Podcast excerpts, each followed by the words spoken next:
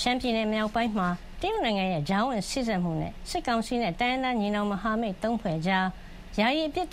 ခတ်ရပ်စဲထားပေမယ့် စစ်ကောင်စီဘက်ကနေလက်နက်ကြီးနဲ့ ပစ်ခတ်တာတွေ ဆက်ပြီးရှိနေတယ်လို့ ညီနောင်မဟာမိတ်သုံးဖွဲ့ရဲ့ စနေညပိုင်း သတင်းထုတ်ပြန်ချက်မှာ ဖော်ပြထားပါတယ်။လားရှိုးမြို့နယ်နန့်တွန်ကျေးရွာအခြေစိုက် စစ်ကောင်စီတပ်စခန်းဘေးကနေနေဆက်တရားဘက်ကို လက်နက်ကြီးနဲ့ သုံးချိန်ပစ်ခတ်တိုက်ခိုက်ခဲ့တယ်လို့ပြောပါတယ်။စစ်ကောင်စီကိုညီနောင်သုံးဘက်ကနေထိုးစစ်ဆင်ပြီးစတင်ခဲ့တာဟာဇန်နဝါရီ20ရက်နေ့မှာဆိုရင်86ရက်ရှိလာပြီဖြစ်ပါတယ်။ရခိုင်ပြည်နယ်ပေါတောနဲ့မင်းပြားမြို့နယ်တွေဘက်မှာတော့မဟာမိတ်ဖွဲ့ဝင်ရခိုင်